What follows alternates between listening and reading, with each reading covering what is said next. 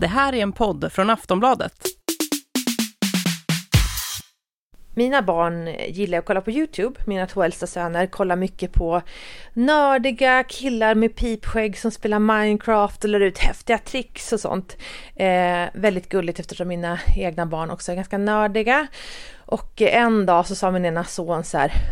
Alltså mamma, jag tror, alltså jag funderar, jag tror att jag ska bli youtuber när jag blir stor. Och då sa jag utan att hinna tänka mig för. Men det är ju som inget riktigt jobb.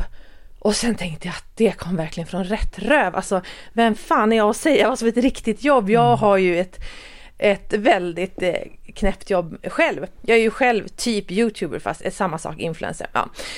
Och sen så gick det några veckor och så satt jag i bilen med mina barn och så så började de prata om alltså, arbetsvillkoren för youtubers. Alltså mamma det är så himla hemskt, alltså du fattar inte hur svårt det är att vara youtuber. Alltså det är så algoritmer man måste förhålla sig till och man och jag bara, vet inte ens vad algoritmer är och sen alltså vet du hur det är mamma, alltså om de ska resa bort på semester då måste de göra, så, så göra filmer innan som ska komma upp under tiden för att om de inte publicerar sig då försvinner de ur ens flöde. så himla gulligt för jag kände verkligen så här, mina barn har ingen aning om vad jag jobbar med. Jag bara, jaha, vilken intressant information, det hade jag ingen aning om. Ja, det låter ju tufft att vara influencer, alltså vara youtuber och behöva tänka till på det där viset. Och sen så har jag ju då själv varit ledig eh, eh hela sommaren men sitter och jobbar 3 till 4 timmar om dagen med min dator och mina barn bara är sura för att ja, jag kan inte vara ledig på riktigt. Men tror inte dina barn att ditt jobb är att vara mamma?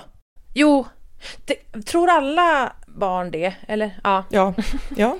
Ja, men alltså mina barn, eh, bara häromdagen så, så sa ett av mina barn, eh, ja men du har ju inget jobb, du sitter ju bara hemma. Mm, great. och sen så, ja. det är då när jag skulle åka med eh, mitt barn till Frankfurt och hennes kompis och jag uh -huh. sa, eh, ja de andra föräldrarna kunde inte eller, ja ah, men de jobbar ju. Mm.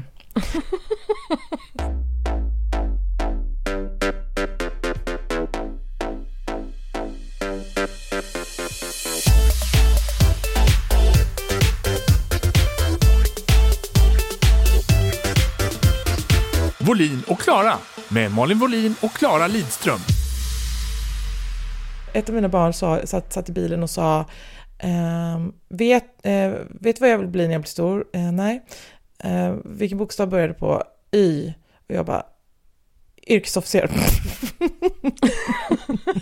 nej, alltså han, han tänker sig också youtuber. Mm. Ja, jag tänker också YouTube, men han, han borde prata med mina barn så han får höra om de tuffa villkoren i arbetslivet. Men ja, det är ungefär det är samma sak fast tvärtom som mina barn som tror att alla dagisfrök, förlåt, förskolelärare bor på förskolan. Jag bara, men, men de har ju åkt hem nu, åkt hem men de bor ju där. Bara, Nej men alltså, de bor ju hemma och jobbar. De, de, vad jobbar de med? De tar hand om er på dagarna! Alltså det är så, det är så, så otacksamt. otacksamt. Men du, eh, när man pratar om generation Z, vet du vilka generation Z är förresten? Skulle du kunna definiera den gruppen? Mm, är det de som är födda på 2000 och framåt? Nej. Oops. Mm. Alltså, så här står det på Wikipedia, typ 95 till 2012. Ah, och det, det är ett jäkla spann. Så du måste ju ha, då har ju du en generation Z hemma, eller hur? Ja, tre stycken då blir det om jag tänker rätt. Ja, mm. Jag tänker att du är ett bättre, ett bättre person att studsa den här ungdomsbarometern mot, för jag läste den och började tänka, för jag började tänka så mycket på ungdomar, alltså typ så gymnasieungdomar, alla sådana som jag har runt mig och hur himla konstiga de är idag. Eh, mm. Alltså för att, nu ska jag berätta hur det var när jag gick gymnasiet. Det var så här, jag gick hemma på sommarlovet, gymnasiet, högstadiet och hade de här drömmarna och de kände jag var helt realistiska drömmar. Det var inte så här dagdröm utan nu är jag så här, att jag tänkte vinna framtidsplanen, då var det så här, alltså ska jag bli ska jag bli som Britney Spears? Alltså jag sjunger ganska jag är inte så bra på att dansa, men ska jag bli som henne? Eller ska jag bara köpa mormors hus, bo ute i skogen och skriva liksom Nobelprisvinnande litteratur? Alltså, ja, och sen vet jag inte vad jag ska göra, om jag ska dejta dejta Leonardo DiCaprio för att alltså, han verkar så, alltså, dålig på att committa och så här, men jag tror att jag skulle kunna ändra honom. Alltså det var, det var verkligen så här, så sjukt, sjuka världsfrånvända drömmar. Och jag känner också att det är en viktig del av ens utvecklingsfas, men alla ungdomar jag känner idag som man skyller för att vara sådana som vill hålla på med YouTube och så, eh, bara bli, vara med i Big Brother och bli kända och så här, eller nej, typ Paradise Hotel kanske, eller jag, jag, jag vet inte vad alla de, eh, Naked Attraction kanske vill vara med i. Ja, de, de är ju, de är ju så, oh, de är så tråkiga och har så lågt ställda drömmar. Alltså, okej, okay, nu ska du få gissa en sak Malin. Mm, hjälp, eh, hjälp. Ja, så här, för att i ungdomsbarometern som, som görs varje år då man frågar ett antal tusen ungdomar i Sverige om deras framtidsdrömmar och planer så, här, så kollar man vad de, ja helt enkelt, deras attityder och attitydförändringar genom åren. Då har de frågat liksom generation Z om vad de uppger är det viktigaste för att de ska känna sig nöjd med framtiden. Alltså vad vill de ha uppnått i framtiden för att känna sig nöjd? Vad, har du någon så här gissning vad det skulle kunna vara. Vilken del av livet som kommer först? Ja, ja precis. Eller om det är här, några, de här tre faktorerna vill jag ha uppnått i mitt liv för att bli nöjd med mitt liv i framtiden. Uh, fast jobb? Nej. Eller, ja. ja. ja. Ja. ja, men det var en ganska bra de, de vill äga sin bostad. Ja, det kan man ju förstå med bostadsmarknaden. Mm. Sen vill de ha stolta föräldrar. Va? Ja! De vill ha stolta, vill göra sina föräldrar stolta. Jag kände bara, var det någonting du, man överhuvudtaget tänkte på? Alltså, det kanske är nu när jag är 35, 36 jag börjar tänka så här, det är kul om mina föräldrar är stolta över mig. Ja, alltså jag har ju försökt plisa min pappa sedan jag föddes, men jag vet ju inte om jag, jag vet ju inte om jag hade uttryckt mig så i en undersökning, utan det var ju någon slags inre driv... Ja, kanske. Ja, ja, men... Vad menar du med plisa din pappa? Och, you alltså, name it, sätt? I tried it.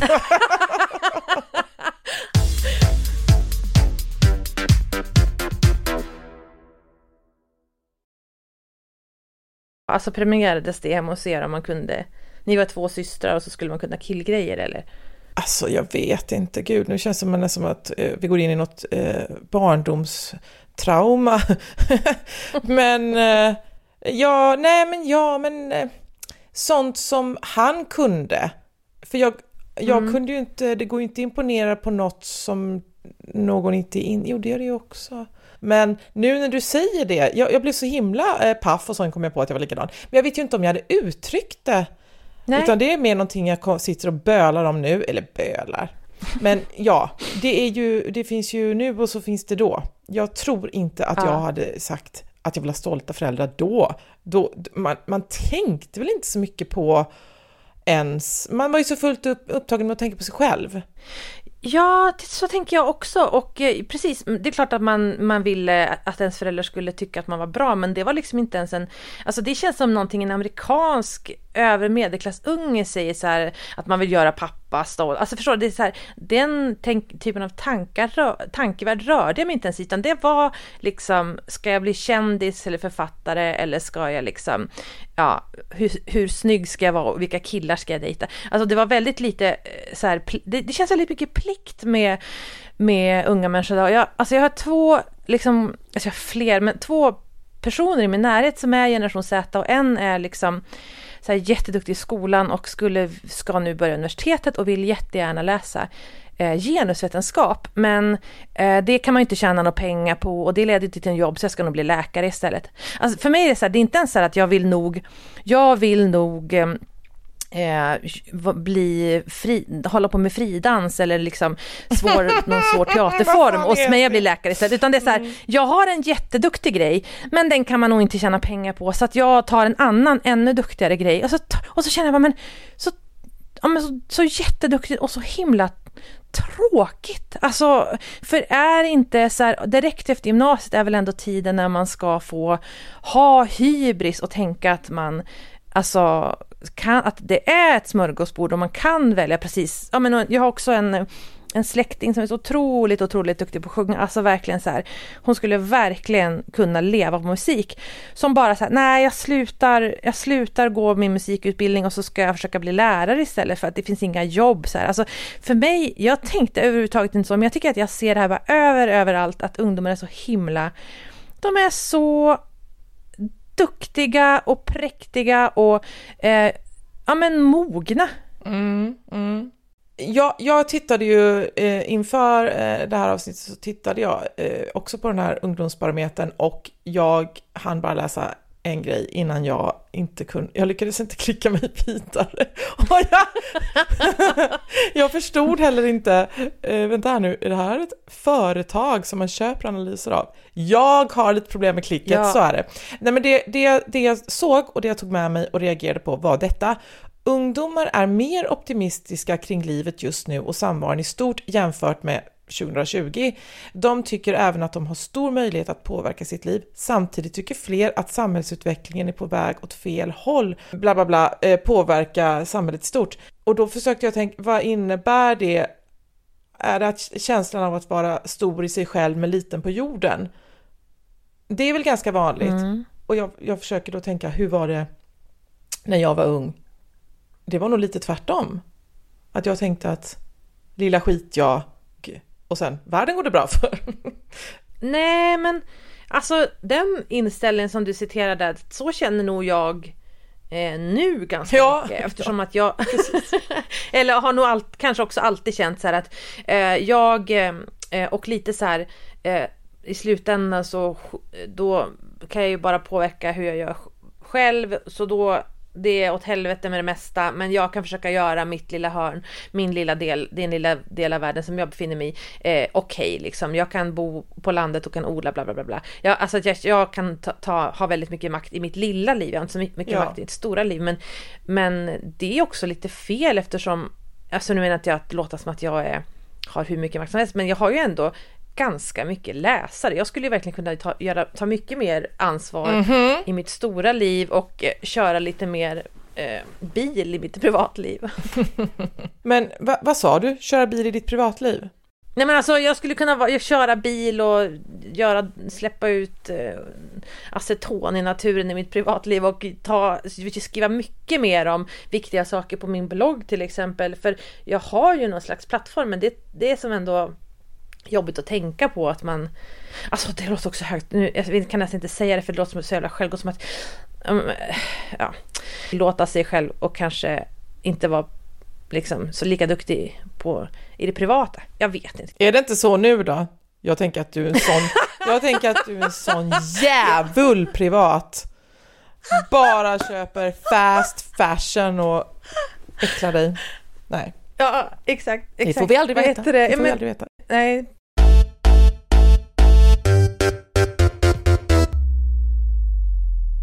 Hur är dina barn? Vad är dina generation Z? Jag kan faktiskt inte eh, överhuvudtaget se på dem utifrån någon slags vidare perspektiv, utan jag bara tänker så här, de är så, de är så fina, älskar dem så mycket, är stolt över dem, bara att de finns och så vidare och så vidare. Min ribba är det lägsta en ribba har legat någonsin och det, allt, det kommer gå så bra, så bra, så bra. Så! Det är allt jag har att säga och vad de tänker om sina liv, det vet jag faktiskt inte. Det har inte jag tid att lyssna på. Nej men det, det, jag tror att eh, jag, jag försöker inte eh, fråga så mycket för att eh, det kanske framkallar stress eller jag vet inte. Bara, bara de gör något så är det bra. Jag tror att det är en, faktiskt en ganska smart, nu ska jag recensera ditt föräldraskap, jag tror att det är en ganska smart eh, eh, st- inställning för att jag, det känns som en sån sjuka typ idag att man ska ha tänkt så mycket på sina barn, alltså allt ifrån deras eh, kompisliv till deras skolbetyg till deras framtida karriär och deras här, Jag minns typ att mina föräldrar, alltså de var väldigt så här de var otroligt kärleksfulla och ja, lyssnade ju ganska intresserat om jag inte jätteuppmärksamt om jag berättar något så här. Och, alltså, jag kände mig väldigt älskad men det var ju, alltså jag kan inte minnas att typ mina föräldrar har frågat mig någon gång så här, vad vill du bli när du blir stor? Alltså det var så här, eh, det har verkligen inte, inte varit viktigt eller centralt i familjen överhuvudtaget och de höll ju överhuvudtaget inte på med statusbygge känns det som, på det sättet vi gör. Jag tror, jag tror aldrig pappa har frågat mig det och det är jättekonstigt för han är den typen av frågare. Och eh, Ja. vad jag gör är att jag köper väldigt dyra julklappar, eller väldigt dyra, inte så pappa nu får du en ponny! Men eh, ganska dyra julklappar eh, som man inte använder sen i och för sig. Men då stänger man den diskussionen. Då förstår han att det Ja. går bra. Men eh, det här, som all, hur man tilltalar de väldigt stora barnen är ju eh, som med allting annat i livet, tyvärr, en balansgång. Att inte för mycket säga och för då det här med nu när de är så pass stora och de har ju knappt varit hemma i, i nu i sommar. Mm. Hur ofta man hör av sig och hur mycket man eh, har du, du, du, du och ställer frågor och, liksom, och frekvensen. Eh, och då så har det va, varit så att å, å ena sidan tänker jag att ja men de är ju så stora nu, de behöver ju inte att jag hör av mig hela tiden för då tycker de att jag behandlar, kanske de känner att de inte får vara självständiga. Till att, ja men ja fast om jag hör av mig för sällan så känner de sig inte älskade, så hur ska man göra? För det har varit så att jag har fått höra både att eh, jobbig och sen någon gång så här Moas mamma ringer alltid och frågar vad hon är. Ja, men, Ja, ja. jag vet. Mm. Men vad svarar du då? då? Börjar du ringa mycket oftare eller tycker du att hon fånar sig? ja men ibland, ibland eh, ramlar jag ner i ett lågt beteende eh, som är så här. Ja, men du, bo någon annanstans då. Eh, prova, mm, men du, åk hem till dem och dem, insert någons namn, så får du se, får du se hur kul det blir. Ja. Ja, och det är ju så, för det hör ju inte hit hur någon annan gör. Men det är, ibland så tänker man ju sådär att, mm, stackars dig som har den här mamman och pappan, bo där får vi se hur snabbt Ja. du kommer tillbaka. Eller bo kvar och tycka att det är helt fantastiskt. Usch, man ska vara försiktig vad man önskar sig.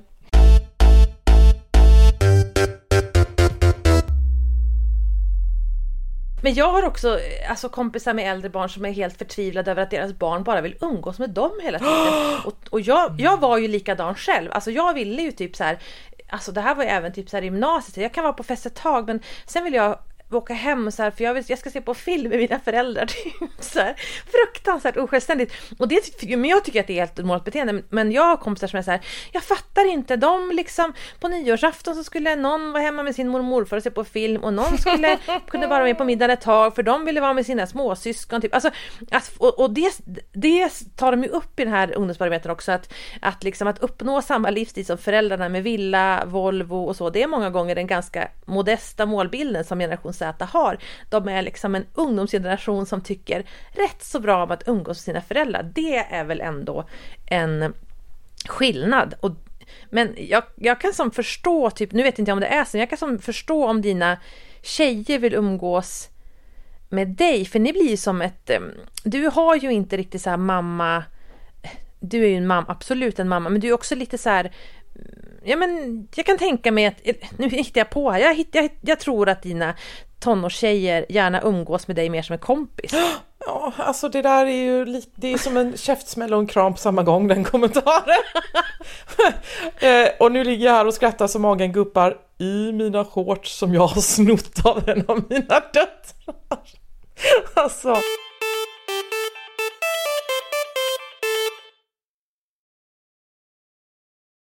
Jag vet ganska många som har så här kulturarbetarföräldrar som tycker att ja, jag skulle gärna jobba med det, men jag skulle aldrig stå ut med att ha så dåligt ställt som mina föräldrar har haft det. Eh, även om de har haft ett kanske kreddiga jobb, så nej, då, då tar jag ett tråkigt men stabilt jobb. Jag tycker bara att det, jag kan bara bli lite ledsen för jag tänker att den här perioden när man har som sagt hybris och hela världen är smörgåsbord, jag tänker att man kan behöva den bara för att Ja, Sen kommer man ändå gå in i att ja, det här tråkiga, realistiska, vardagliga och särskilt när man får familj och barn. ja men det jag tycker det är samma sak eh, när det gäller eh, partner. Att eh, man skaffa pojkvän och flickvän och så vidare. Det kan du ju göra sen. Eller, ha kul nu, för jag menar, sen, tids nog blir det tråkigt och du måste vara ihop med samma. Bah, nej. Men vet du vad, jag, jag tänkte på en sak när du, när, när du eh, tog upp pandemin. Eh, Ja. Jag hörde ett inslag på Studio 1, du kanske också hörde det, eh, i Studio 1 häromdagen om det här med att unga människor nu som kommer ut och ska gå på krogen och som har suttit Mm. inne eh, så länge att de inte vet hur man beter sig på klubb. Nej, okej. att hur, jag tänkte, är det, det kan ju vara, det kan ju vara sommarstiltje, att det kan vara nyhetstorka och så vidare. Men, eh, men ändå, det är ett ämne i Studio 1 att de tar upp att eh, unga inte vet hur man beter sig på klubb. Och då, vad, på, och vad, vad gjorde de då? Vad Nej, men att eh, hur man eh, trängs eller hur man beter sig eller då- jag kommer inte ihåg. Men eh, eh, en sak var att de pratade med en klubbägare som sa att han hade kommit på två unga tjejer med att de hade gått in i en skrubb och kissade. och jag menar, jag har kissat på olika ställen men, och jag har, har klubbat. Men jag, alltså, alltså eh, eh, att, att, bara komma på tanken. Och eh, man är ju, men och han hade väl frågat eh, var, ja och att de hade sagt att ja men vi är ju inne på klubben hur nu det är ett svar, men ja, jag, jag, bara ser det framför mig och jag, jag vet, alltså hade det varit min klubb och det, vem ska städa upp det och det är ju vidrigt, samtidigt så ja. jag kan inte låta bli att bli sådär, vad gulliga de är. ja. Åh gud.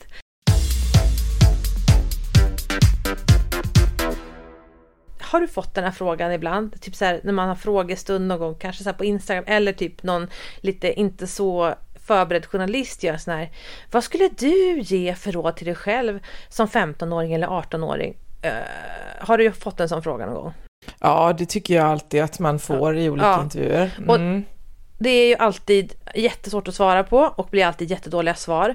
Men jag tänkte på vad jag ändå skulle vilja säga till den som är eh, så här, ung vuxen och ska så här, ut efter gymnasiet. Och det är att man inte ska eh, alltså man ska ju så, här, det är jättekul, gå runt och dröm att du ska bli eh, någon artist eller vad det nu är för någonting så här. Men eh, tro inte på hypen som skriks från studentflaken för att åren efter gymnasiet är sannolikt de värsta i ditt liv. Du går från högst status, alltså man har varit äldst på skolan, man har inte behövt vara rädd för några andra små glin eller, no, eller stor, stor glin, stora, eh, man har varit äldst ett helt år, man har hög, kanske har varit så här med typ elevråd, man kanske har blivit lyssnad på, så här inbillat sig att man är viktig, skriver för skoltidningen. Och sen kommer man ut och har absolut lägst status. Man kanske har något dåligt vikariat, man är yngst på sin arbetsplats, man jobbar på skitjobb som typ snabbmatsrestaurang. Det gjorde jag, blev skriken åt, halkade på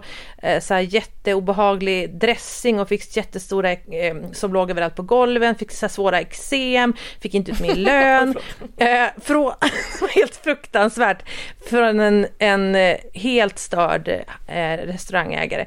Det var liksom ehm, det var mina första två år efter gymnasiet. Och i trean på gymnasiet så var min mamma sjuk, så att då efter gymnasiet så istället för att jag kanske gjorde de där sakerna som vissa gör då, far till Thailand eller blir au pair eller någonting, så var jag bara hemma typ och, och gjorde tråkiga saker och ja, det kan ju påverka min syn, men jag tycker att det hade varit så skönt om någon hade sagt till en så att nu är du på piken när du tar studenten, det kommer kännas jättehärligt och som att du är on top of the world och nu måste du igen börja, nu börjar du igen från botten och det kan vara så i kanske 10-12 år om du har otur.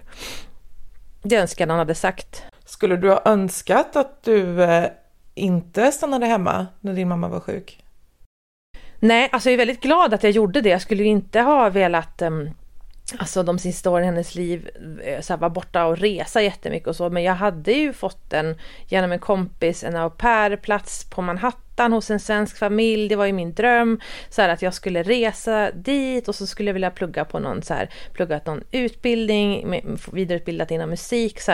Um, och ingenting av det blev ju och det är jag ju väldigt glad för idag. Istället satt jag hemma på mitt rum och bara, kanske man skulle startat en blogg.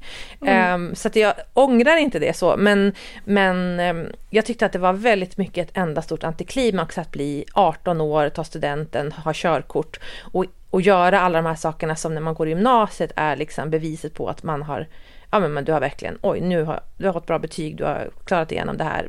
Nu, nu är det liksom, nu är det klart, nu kan du börja och så börjar man igen med att alltså städa toaletter, alltså på den nivån i hierarkin. Och det, och det är så i jättemånga år och ingen bryr sig om vad du hade för slutbetyg mm. eller att du skrev i, att du satt i, att du var elevrådsordförande eller så här. Mm.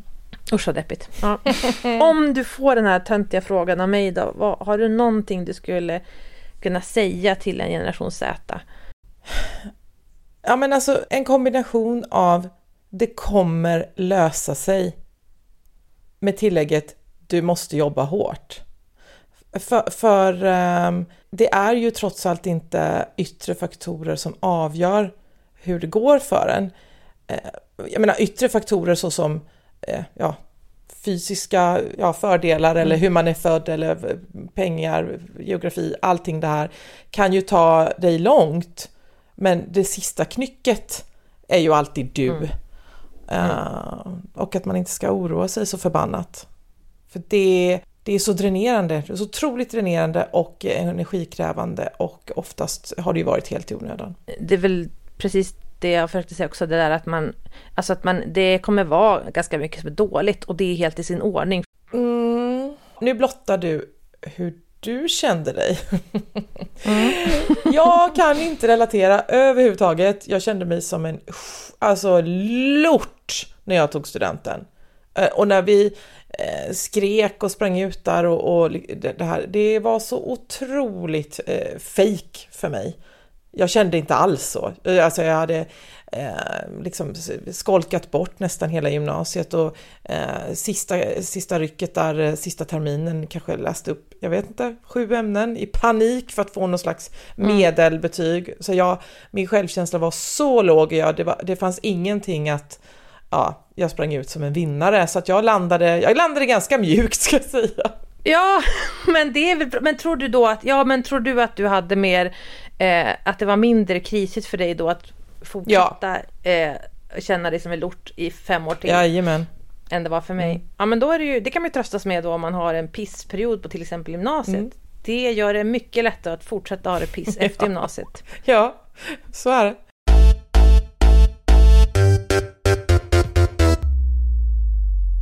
Jag vill bara säga att eh, jag tillbringade ju ett helt fantastiskt dygn med Jasmina på Öland.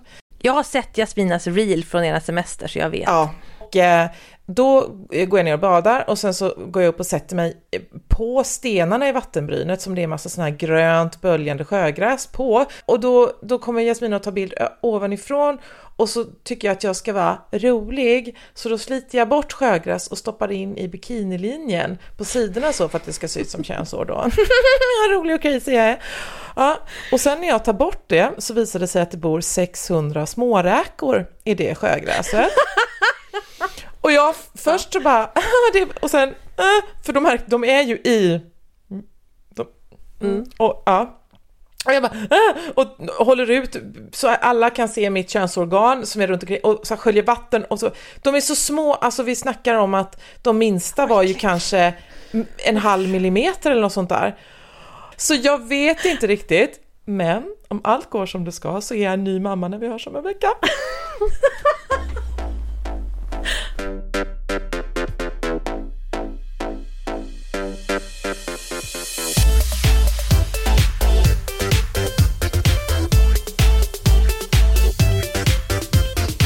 Du har lyssnat på en podcast från Aftonbladet. Ansvarig utgivare är Lena K Samuelsson.